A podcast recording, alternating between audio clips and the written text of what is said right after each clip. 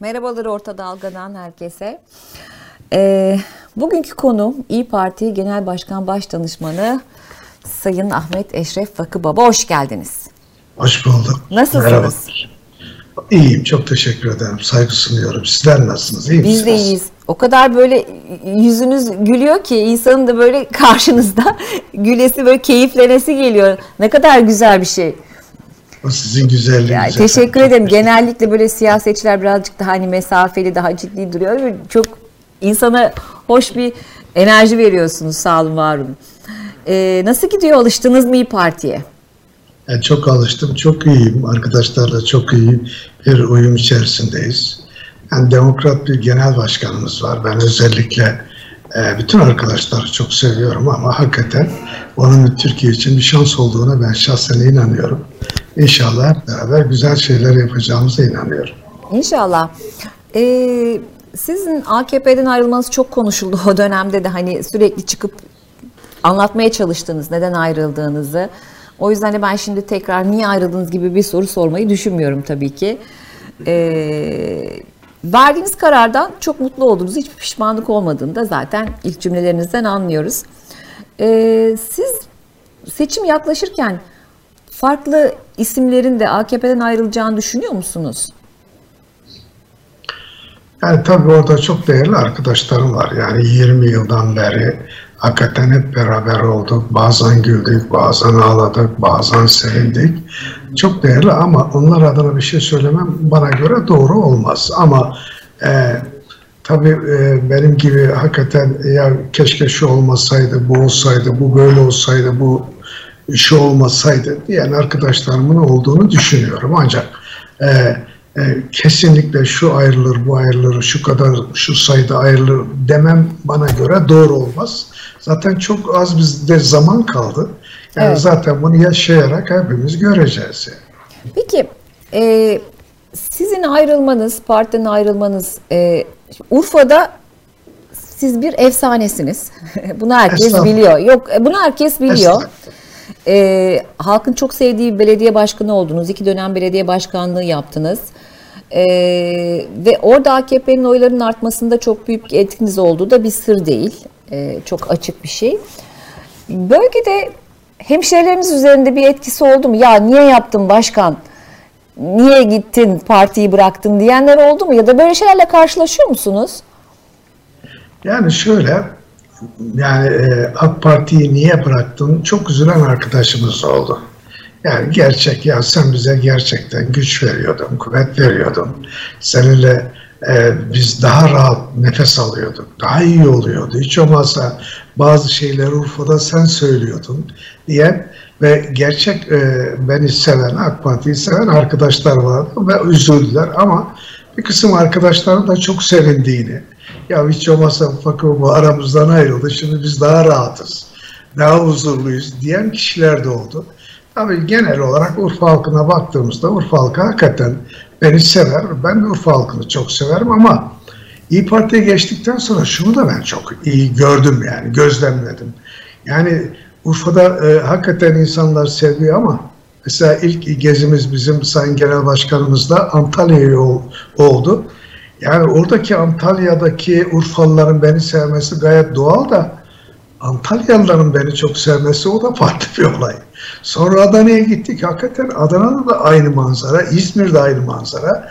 E tabii yani e, bir kardeşiniz olarak, bir siyasetçi olarak ben de hakikaten çok mutlu oldum.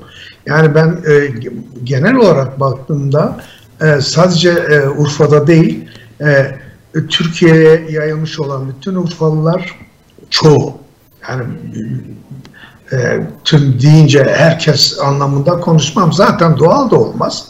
Ama bunların yanında gittiğim e, şehirlerde İzmir'de İzmirliler de seviyor, Antalyalılar da seviyor, Adanalılar da seviyor. Bu beni çok da mutlu etti yani.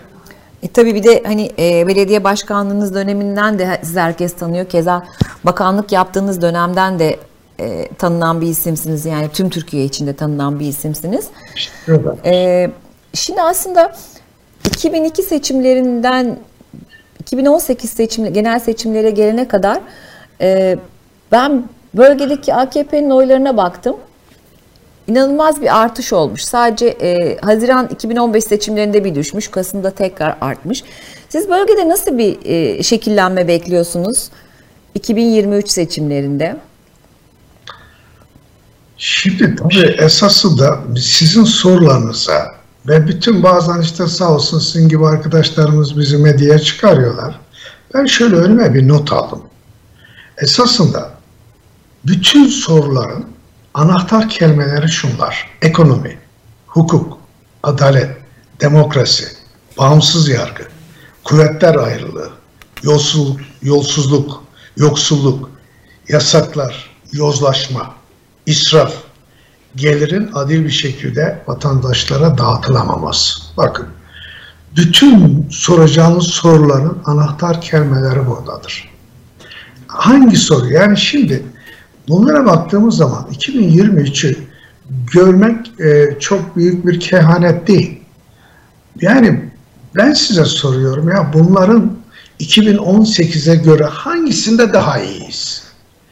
Eğer daha iyi değilsek ki bana göre daha iyi değiliz o zaman 2023'ün AK Parti açısından çok zor geçeceğini ve seçimlerin muhalefetin lehine sonuçlanacağına ben yürekten inanan bir kişi. Peki e, Urfa'da ne bekliyorsunuz? Yani e, şimdi demin tabii kelimeleri çok önemli kelimeleri söylediniz ama hani e, beklentiniz sizin o bölgeden bir siyasetçi olmanız e, bu kez de İyi Parti'nin oylarının ki bir önceki seçimde çok yüksek bir oy almamıştı. E, artıracağını gerçekten düşünüyor musunuz? Kesin düşünüyorum. Kesin. Çünkü eskiden sadece Güneydoğu'da, Doğu'da insanların iki alternatifi vardı. Bir AK Parti, diğeri de HDP. HDP. Ama şimdi tabii CHP'de var. Yani ben o altılı masadaki e, bütün e, partilere, liderlerine çok saygı duyuyorum. Onlar da gerçekten gerekli çalışmaları yapıyorlar.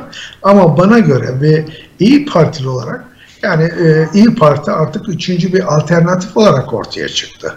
Ve bu bağlamda da ben inanıyorum İnşallah biz e, oylarımızı çok arttıracağız. Milletvekillerimiz olacak. E, mecliste artık e, bu ülkeyi yönetebilecek kapasitede bir parti olduğumuzu 2023 seçimlerinde ispat edeceğiz. Bir yandan da tabii hani bölgedeki e, şimdi HDP'ye oy verenlerin e, önümüzdeki seçimde ne kadar önemli olacağını hep konuşuyoruz, e, konuşuluyor. Bütün siyasetçiler de aslında aşağı yukarı aynı fikirde. Ee, İyi Parti'nin buradaki konumu herhangi bir rahatsızlık yaratır mı? Yani hani o siz insanlarla konuştuğunuzda yok işte biz İyi Parti'ye oy vermeyiz işte Meral Hanım'ın mesafesi var gibi bir takım e, konuşmaları biliyoruz hepimiz. E, bu eğer böyle bir ön yargı varsa e, bunu kırmak sizce kolay olacak mı? Yani şöyle tabii e, böyle algılar e, bazen hakikaten e, etki yapıyor. Bu doğru yani ama yani biraz önce çizdiğimiz bu kelimelere baktığımız zaman yani demokrasi diyoruz, hukuk diyoruz. Yani burada yeni işte altılı masanın ortaya koyduğu bir yeni anayasa madde, e, maddeler var. 84 e, evet. e, maddeyi kapsayan.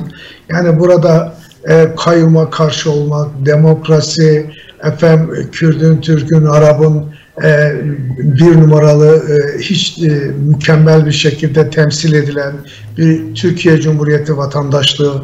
Yani bu konuda gerçekten e, Meral Hanım ve İyi Parti hiçbir zaman ayrım yapmayan e, bir parti olarak gördüm. Zaten eğer e, Kürtlere karşı herhangi bir taraflı bir tutum olmuş olsaydı zaten Ahmet Fakıova bu partide yer almazdı. Hı hı. Bu bağlamda ben çok açık ve net bir şekilde yani Kürtlerin de Türklerin de Alevilerin de sorunu vardır ve bu sorunları çözecek olan demokrasiye inanan partilerin bir zafer olacaktır.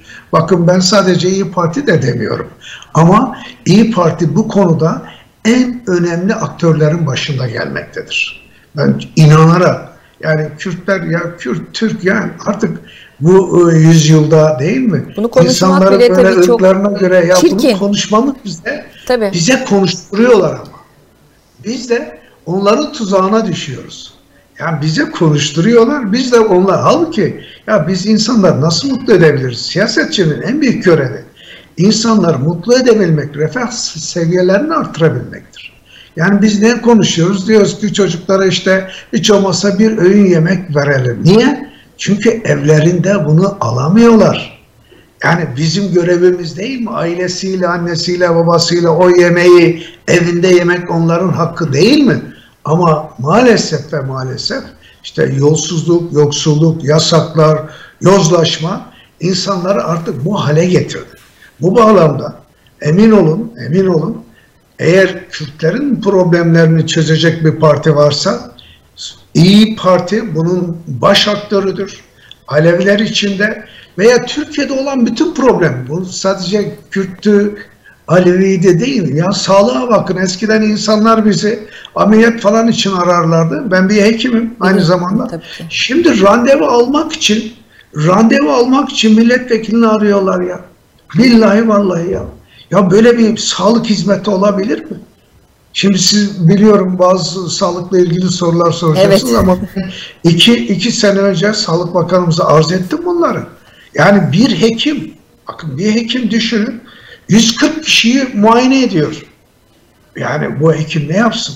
Hasta sahipleri ne yapsın? Yani gerçekten durum e, dışarıdan göründüğü gibi veya diğer kanalların anlattığı gibi toz pembe değil Gülay Peki şimdi siz tabii seçim yaklaştıkça muhtemelen bölgede e, insanlara birebir dokunarak da kendi partinizi işte e, neler olacağını, nasıl değişiklikler yapılacağını anlatacaksınız.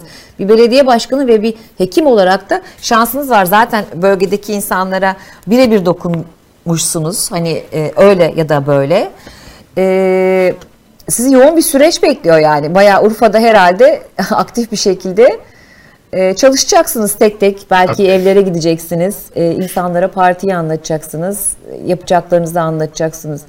Bir yandan da tabii e, şu anda e, gündemde o kadar çok şey var ki bir aday meselesi var ortada. Yani hani ortak aday mı olacak, çoklu aday mı olacak, nasıl bir şey olacak, kazanacak aday kim, ne? Yani siz nasıl bakıyorsunuz tüm bu tartışmalara?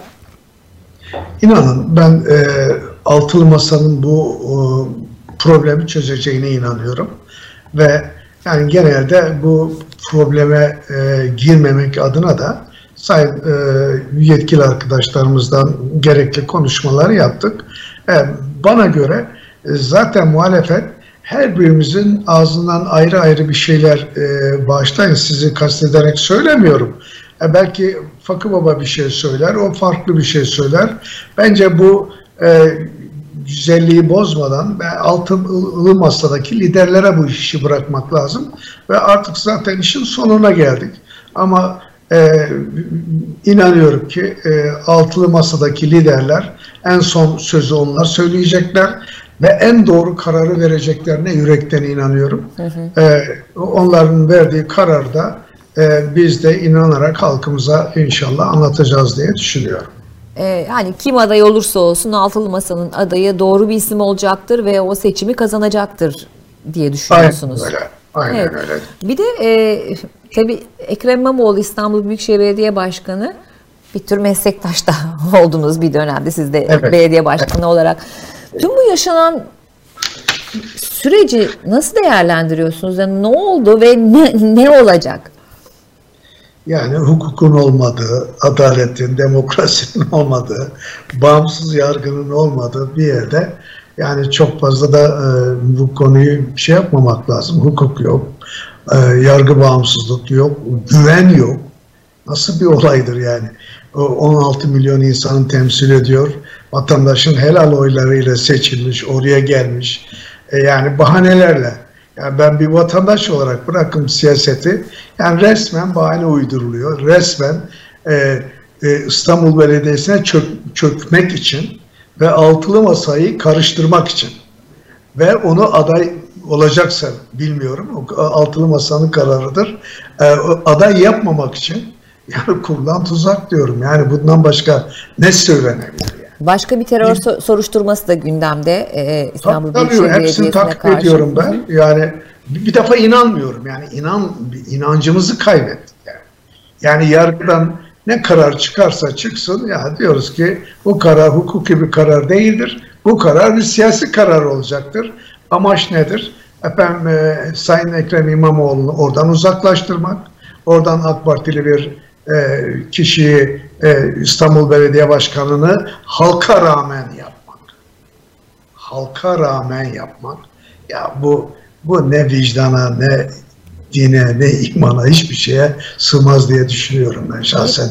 Diyecek bir şey de bulamıyorum. Bir de tabii hani Ekrem İmamoğlu aday olsun olmasın e, sadece İstanbul'da değil hani Güneydoğu gezilerinde e, oradaki halk tarafından da çok sevilen bir isim.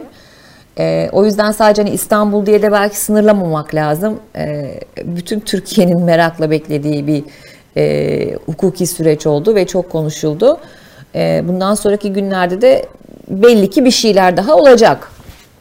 Ama şu var, e, yani bu kararı yani e, hükümetin lehine olarak düşünen arkadaşlar varsa aynen 2018 seçimlerindeki e, İstanbul'u kaybetmiş e, kaybettikleri e, pozisyona düşeceklerinin farkında değiller.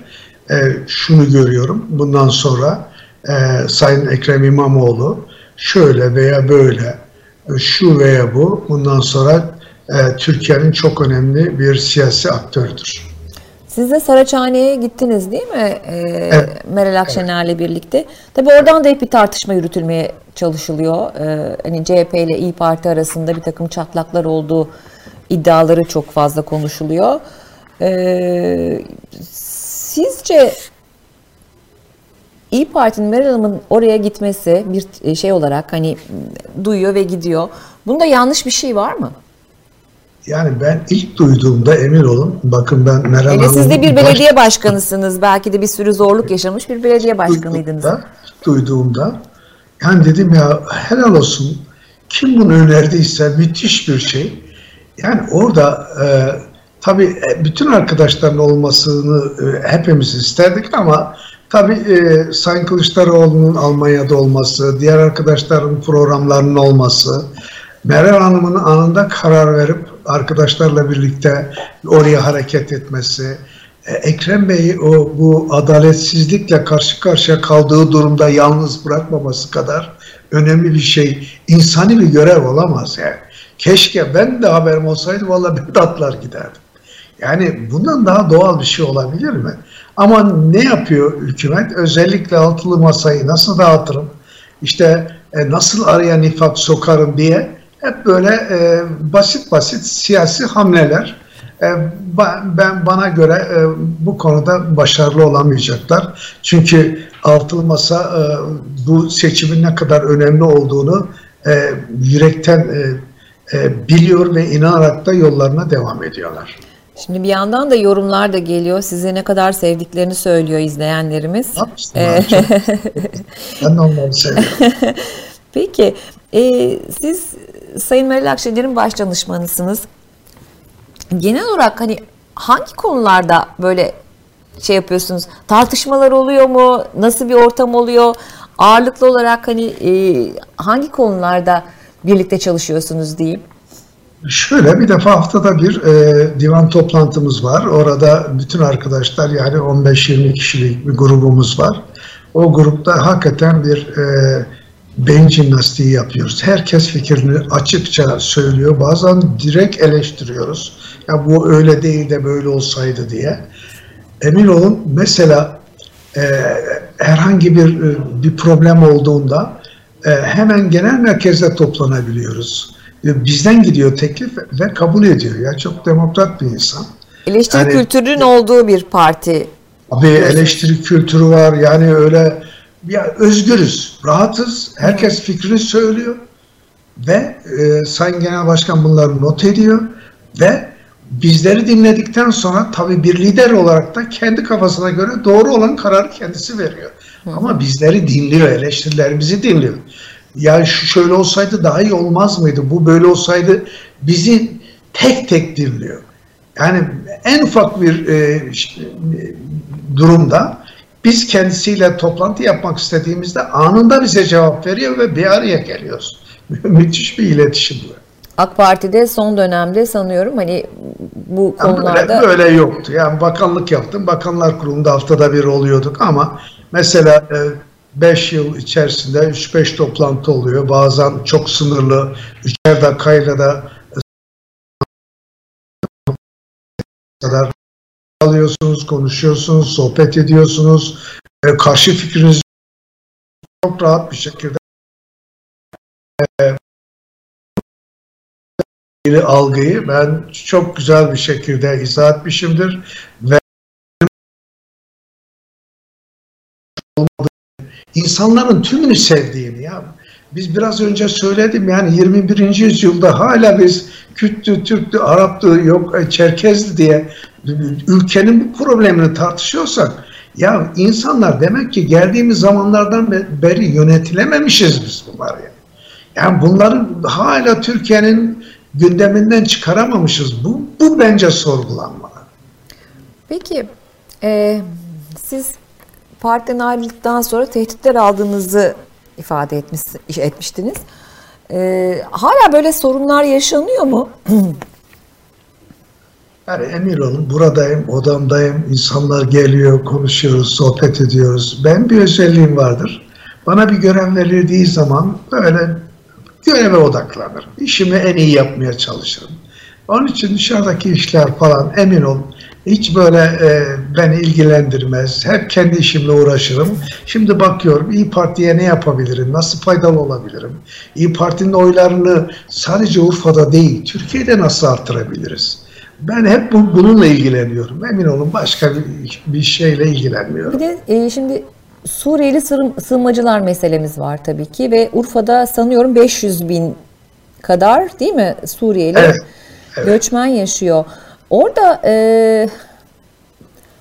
halkın tepkisi nedir Suriyelilere karşı? Yani hani orada büyük bir sorun yaşanıyor mu? Siz nasıl görüyorsunuz bu meseleyi? Ya, tabii ilk önce Allah yardım etsin. Bizim hemşerilerimiz e, hepsine kucak açtı. E, evlerini de konuk ettiler, misafir ettiler. E, insanlar e, Allah kimseyi kendi vatanından ayırmayı nasip etmesin ama hükümet olarak ben bunu defalarca şey yaptım, uyardım. Yani hükümet olarak e, biz bu e, e, göçmenler konusunu e, e, iyi bir şekilde yürütemedik. Yani 500 bin insanın yaşadığı bir yerde ucuz emeğin olduğu, çok ucuz emeğin olduğu bir yerde tabii ki Urfalı hemşerilerim haklı olarak e, sıkıntılar içerisinde oldu. Yani farz edelim 10 liralık bir işi e, 5 liraya yapıldığı zaman benim hemşerim işsiz kaldı. Yani e, kültür farklılıkları oluştu. Bu bağlamda hakikaten e, Urfalılar e, başlangıçta çok büyük e, misafirperverlik gösterdiler. Hala devam ediyorlar. Allah onlardan razı olsun. Ama 500 bin misafiri e, kabullenmek ve yıllardan beri bunu sürdürmek böyle kolay bir olay değil. Ve mutlaka ve mutlaka bu e, problemin e, mutlaka e, insani açıdan çözülmesi lazım.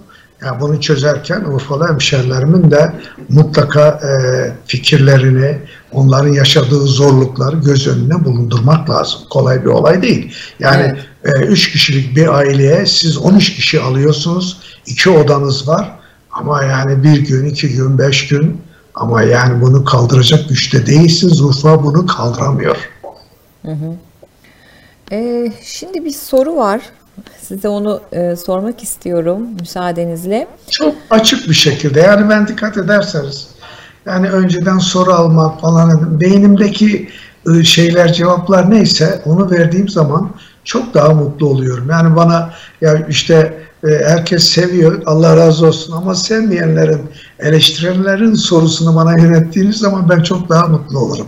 Yok eleştiri değil. Ee, şöyle bir soru var. Tarım danışmanları olarak çalışan biz meslektaşlarımız hakkında bir projeniz var mı diyorlar.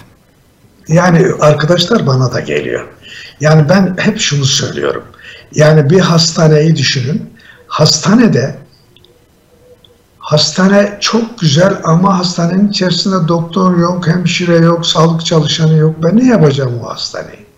Ama bir toprak düşünün, bir Türkiye gibi çok büyük efendim e, 28 milyon hektar alan alana sahip olan bir ülkeyi düşünün ve burada e, ziraat mühendislerinin hayvancılıkla ilgili olarak e, veteriner hekimlerin boşta olduğunu gördüğünüz zaman ben eski Tarım Bakanı olarak inanın çok çok üzülüyorum. Yani bunlar hastanenin hekimleri neyse bunlar da toprağın ve hayvancılığın e, ana e, bilim insanları. Bu bağlamda belki şu anda bir sıkıntılar vardır ama inanarak söylüyorum. E, İyi Parti döneminde Ahmet Fakı Baba olarak, eski bir Tarım Bakanı olarak bunlarla el ele vereceğiz açık ve şeffaf bir şekilde.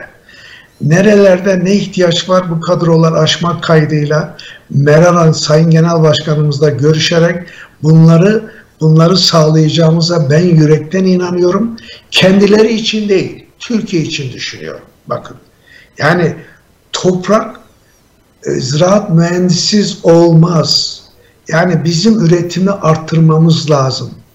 Bu bağlamda da bunu yapacak olan e, anadan babadan kalma eski metotlar değil, yeni yetişen genç arkadaşlarımızdır.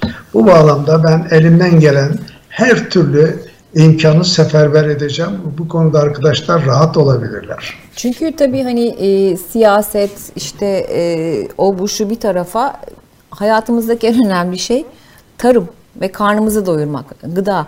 E, hakikaten burada çok e, çok çok gerideyiz. Bir iklim krizi var.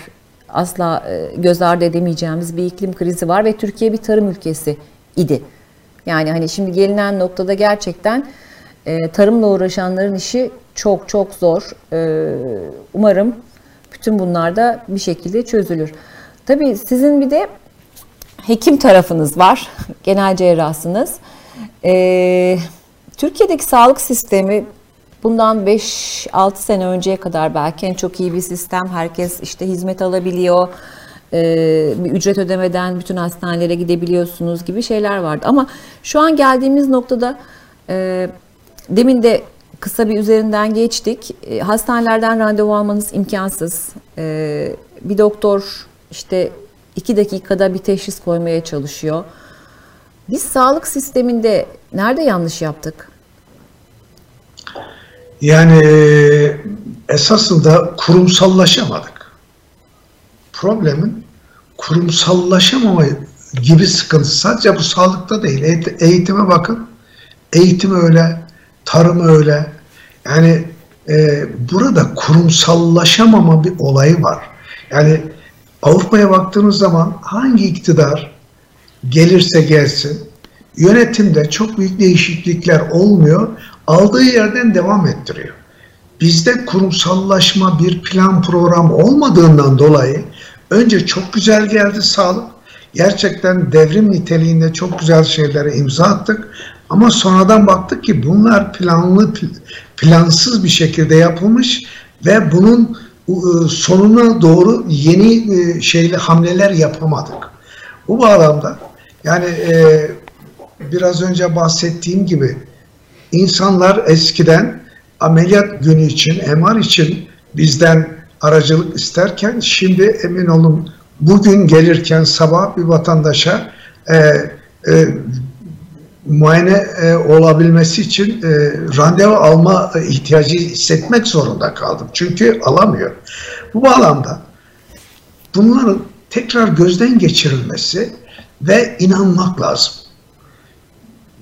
Biz kararlı bir şekilde bu işi çözeceğiz, çözeceğiz diye önce bakandan başlayıp bakanın bütün ekipleri, hekim arkadaşlar, hemşireler, sağlık çalışanları ya biz nerede hata yapıyoruz diye oturup bu hataları düzeltmeleri lazım.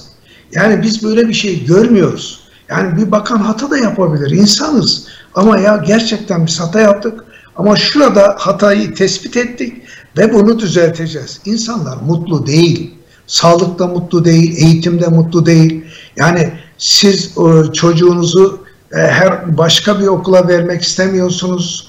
E, rahatsız oluyorsunuz. Özele gittiğiniz zaman en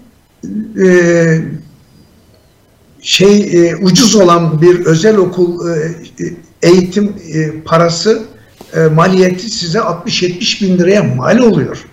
Yani bu bağlamda gerçekten biz problemlerin yerelde çözüleceğine inanan bir partiyiz bir defa.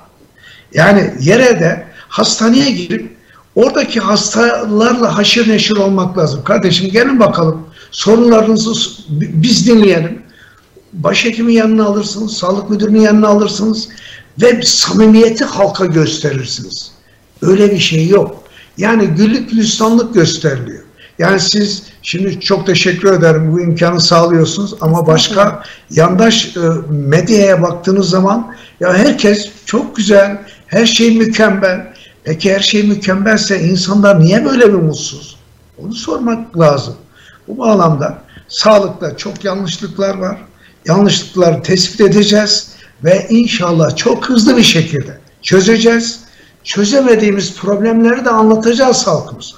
Ya şundan dolayı çözemiyoruz. Bundan dolayı çözemiyoruz. Şimdi ama problem var. Fakat hükümet problem olduğunu kabul etmiyor. İşin kötü tarafı bu. Eğer siz problemi görmediğiniz zaman problem çığ gibi büyüyor ve insanlar bunun altında eziliyor ama bir taraftan da hükümet bu problemin farkında olmama gayreti içerisinde probleme gözünü kapatıyor. Sıkıntının temelinde bu var. Peki e, evet eczanelerde ilaç yok. Zaman zaman bulunamayan antibiyotikler var ve hani e, doktorların yazdığı reçetelerdeki bir sürü ilacı da bulamıyorsunuz. Ve kuvvetle muhtemelde büyük bir fiyat artışı gelecek. E, bu herkesi ilgilendiren bir durum. Çünkü hepimizin zaman zaman alması, kullanması gereken ilaçlar var. Peki siz bir Tarım Bakanlığı da yaptınız ama aynı zamanda bir hekimsiniz. E, diyelim e, Millet İttifakı iktidara geldi. Hangi alan size daha yakın geliyor? Bir de belediye başkanlığınız var. Hangi alan size daha yakın geliyor? Hangi alandaki e, sorun gördüğünüz şeyleri çözmek için bir çaba göstermek istersiniz? Şimdi şöyle esasında e, bakanlık gibi görevler e, bana göre bir e, liderlik pozisyonu. Belediye başkanlığı da öyle. E, mesela ben hekimdim. Yani belediyecilik falan hiç e, deneyimim yoktu. Ama halk beni çok sevdi. Yani orada hani biraz önce sağlıkta söylediğim gibi problemleri yerelde çözeceksiniz. Yerinde çözeceksiniz. Ben e, Tarım Bakanı olduğum zaman anons edildiğinde çok şaşırmıştım. Ya Allah Allah ya ben e, nasıl olur falan. Ama inanın ben bakanlığa başladığım günden itibaren günde en az arkadaşlarımla beraber, bakın çok önemli, arkadaşlarımla çok şey öğrendim. 20 saat çalıştım. 20 saat. Yani Türkiye'deki tarım problemlerini emin olun size çok hızlı bir şekilde 3 dakikada 5 dakikada anlatılır. Ve bunlarla ilgili eğer siz e, bir planlama yapar, birinci yıl bunu yapacağım, ikinci yıl bunu yapacağım, üçüncü yıl bu olacak, Bakan Fakı Baba değişti ondan sonra gelecek olan buna devam edecek denildiğinde bir plan program yapmış olduğunuzda e, siz yönetici olan bir insanı Sağlık Bakanlığı'na da getirebilirsiniz, Şehircilik Bakanlığı'na da getirebilirsiniz, Aile Bakanlığı'na da getirebilirsiniz. Orada sistem oturmuştur. Siz detaylarda üzerinde durabilirsiniz. Temel bellidir. Onun için e, ben şu olur veya bu olur demem ama benim bir özelliğim var. Bana deseniz ki şu binanın temizlik işini size veriyoruz. Benim bir hedefim olur. Ya acaba bu binayı en iyi şekilde ben nasıl temizlerim? Yani görevler önemli değil. Önemli olan o görevi hakkıyla yapabilmek ve görev yaptığınız insanları ve halkı mutlu edebilmektir. Bunu yaptığınız takdirde siz başarılı olursunuz. Yoksa tabii ki tecrübe önemli. Eğer mesela Sağlık Bakanlığı'na geçmiş olsaydım Tarım Bakanlığı evet. yerine belki de o 6 ayı harcamadan çok farklı bir şekilde Sağlık Bakanlığı'nda yıllarını e, vermiş olan bir kişi olarak belki daha hızlı konuya girebilirdim. Hı hı. Tabii bu, e, bir şey e, bilmediğim için öğrenme sürecinden dolayı Tarım Bakanlığı'nda gecikmeler oldu. Bunu kabul ediyorum. Ama eğer 11 ay değil de çok samimi olarak söylüyorum 5 yıl olmuş olsaydı Sağlık Bakanlığı'nda farz edelim eğer başarılı olacaktıysam Tarım Bakanlığı'nda da başarılı olurdum. Anladım. Ee, şimdi pek çok soru var. Biraz oradan da e, devam etmek isterim izninizle. E, mesela diyorlar ki İyi Parti Urfa'dan kaç milletvekili çıkarır? Ahmet Bey ne düşünüyor bu konuda diyorlar. yani şöyle tabii halkın kararı. Ee, biz ben Allah'ın izniyle Urfalı hemşerilerimin beni sevdiğini, bana güvendiğine inanıyorum. Çünkü ben halk için e, şey yapıyorum, e, siyaset yapıyorum. Yani benim bir şeye ihtiyacım yok. Ama halkın ihtiyacı olduğuna inanıyorum. Halk kararını verecektir ve e, ben çok sayıda vekil çıkaracağımıza inanıyorum. Bunu samimi yani bir siyasetçi konuşması değil. Hı hı. Çünkü halkın güveniyorum ya. Halk diyor ki ya Fakı Baba bizim için uğraşıyor, bizim için çalışıyor. Partiler bir araçtır. Bakın bu çok önemli. Eğer Allah korusun biraz önce hep İyi Parti ile bahsettim. Meral Hanım demokrat bir lider. Aynı şekilde bir e, İyi Parti'de de bir yozlaşma gördüğümde ve anlattığımda kabul görmediğinde kibirlenme başlandığında vallahi İyi Parti'yi değil terk edecek olan Ahmet Eşref Bakıbaba'dır. Açık ve net. Onun için onun için ama ben şunu görüyorum ve inanıyorum. İyi Parti'de çok değerli arkadaşlarımız var. Çok çok mükemmel bir liderimiz var. Bizi dinleyen, halkı dinleyen. Ya biz halkız. Yani milletvekili gittiği zaman halktan aldığı bütün verileri alır ve genel başkanlığına iletir. Ve üst kurula iletir. Ve İyi Parti'de bu durum var. E, bu oturmuş yapısal kurum var. E, gittikçe zaten bu e, yapısal kurum güçlenecek ve İyi Parti'de çok iyi işler yapacağımıza.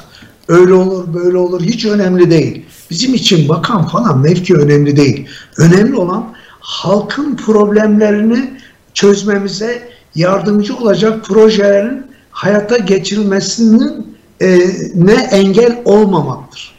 Benim bütün umudum budur. Ee, şeyi de soruyorlar, e, Millet İttif HDP Millet İttifakı'nın içinde değil. Yani hani e, bu bir eksiklik değil mi diye bir e, soru ve ya da bir görüş var diyeyim. E, siz bu konuda ne söylemek istersiniz?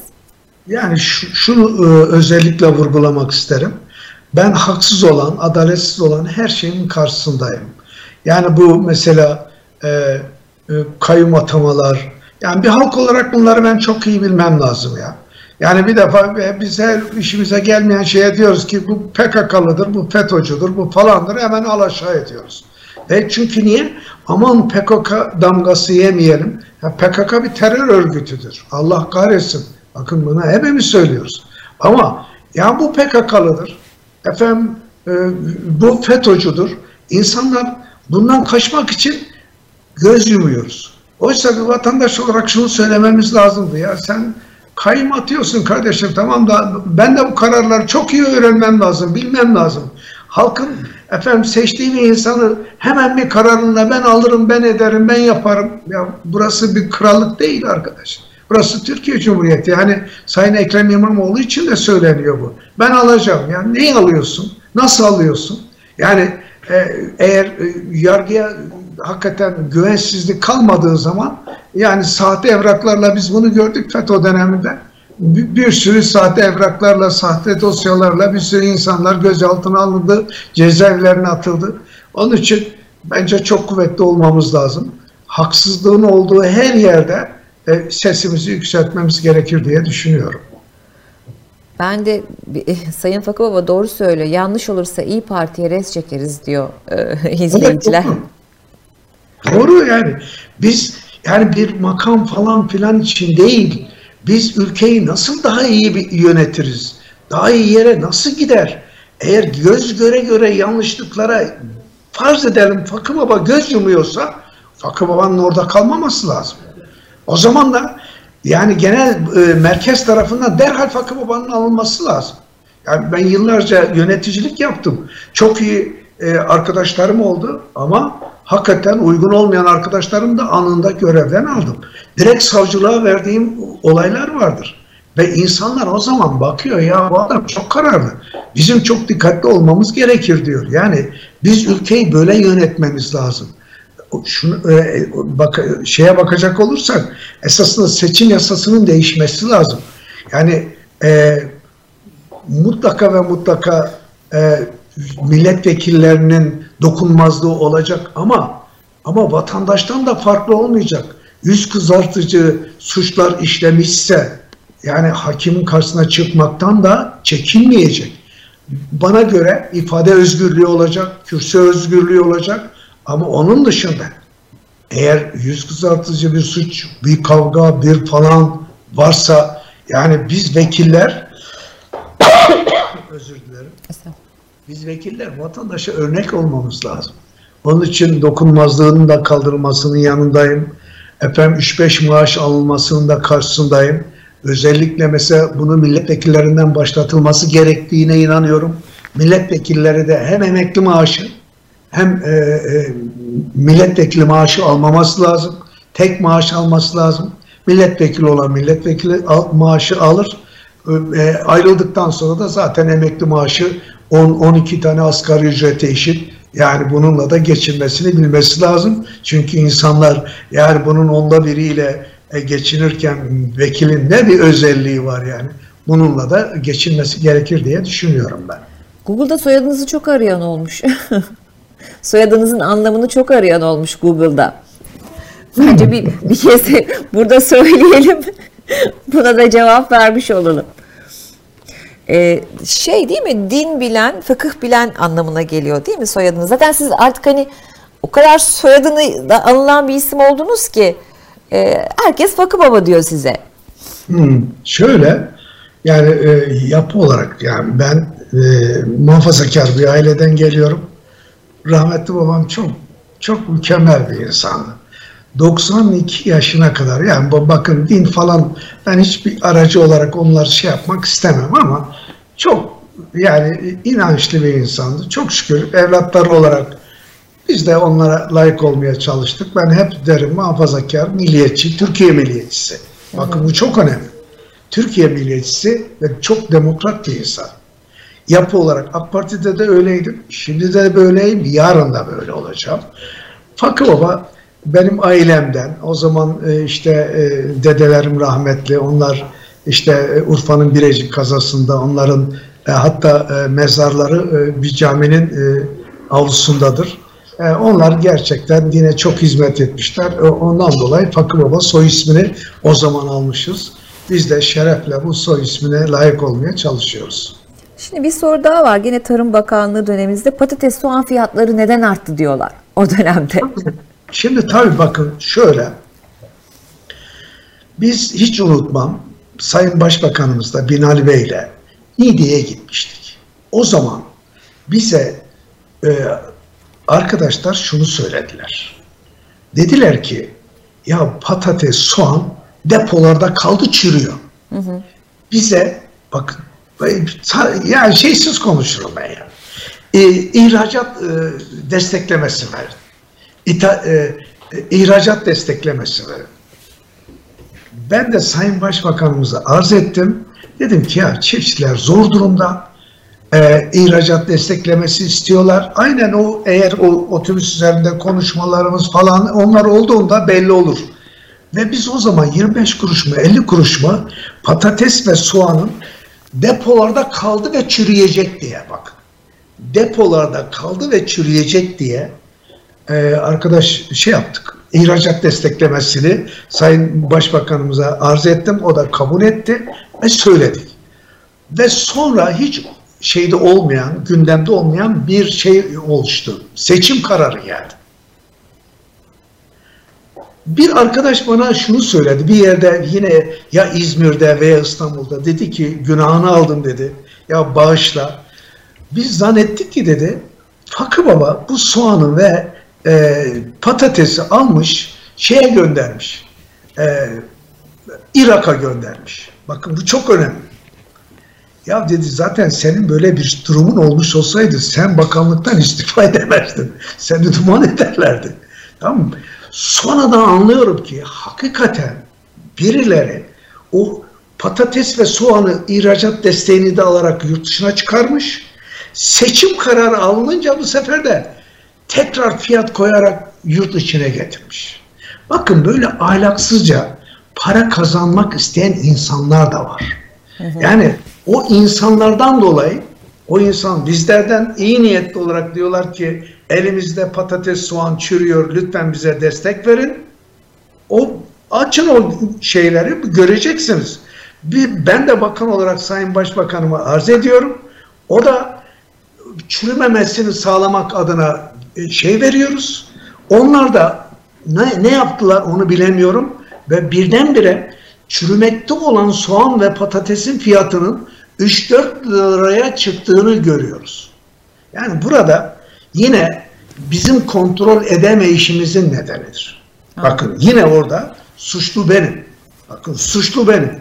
Orada eğer iyi bir kontrol olmuş olsa o adamı getirip sen memleketin e, efendim para kazanacağım diye ekmeğiyle uğraşıyorsun e, ve para kazanmak adına bu memlekette bu ülkeye hile yapıyorsun deyip yasaları uygulamış olduğumuzda emin olun bu işler olmazdı. Orada eğer bir suçlu varsa benim ama tamamen iyi niyetli, hı hı. samimi yani soğanın ve patatesin çürümemesini sağlamak, hiç olmasa dışarıdaki insanların e, ondan faydalanmasını sağlamak ve bu işte iştigal eden çiftçilerin zarar etmemesini sağlamak adına yapılan bir şey ve sonradan erken bir seçim kararıyla 50 kuruştan 3-4 liraya çıkan bir fiyat.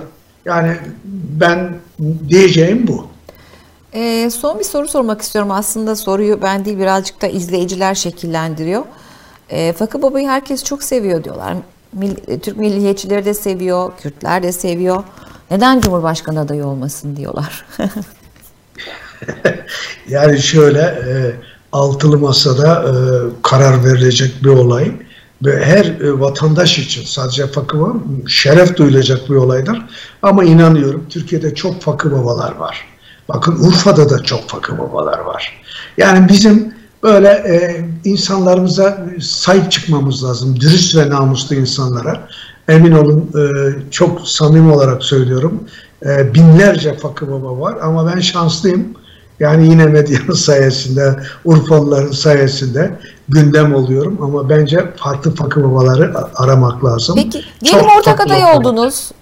Sevilen bir isim olarak bu görevi de hani de, de, Tarım Bakanı oldum pek bir şey bilmiyordum ama hemen öğrendim dediniz. Bana ne görev verilirse yapılır. Yani herkes her siyasetçinin gönlünden aslında hakikaten en tepede olmak kuşkusuz geçer. Ee, bir, yani bayağı bir çünkü böyle bir soru gelmiş. Sanıyorum sizi yakıştırıyorlar. Ee, evet, izleyenler ve sevenleriniz. O yüzden sormak terle, durumundaydım. En fazla, en fazla terlediğim soru da Gülay Hanım bu Hayır soru aslında izleyicilerden geldi benden gelmedi. Terledim ee, vallahi. ama diyelim oldu. Diyelim oldu. Her şey mümkün vallahi, siyasette. Vallahi, vallahi terledim.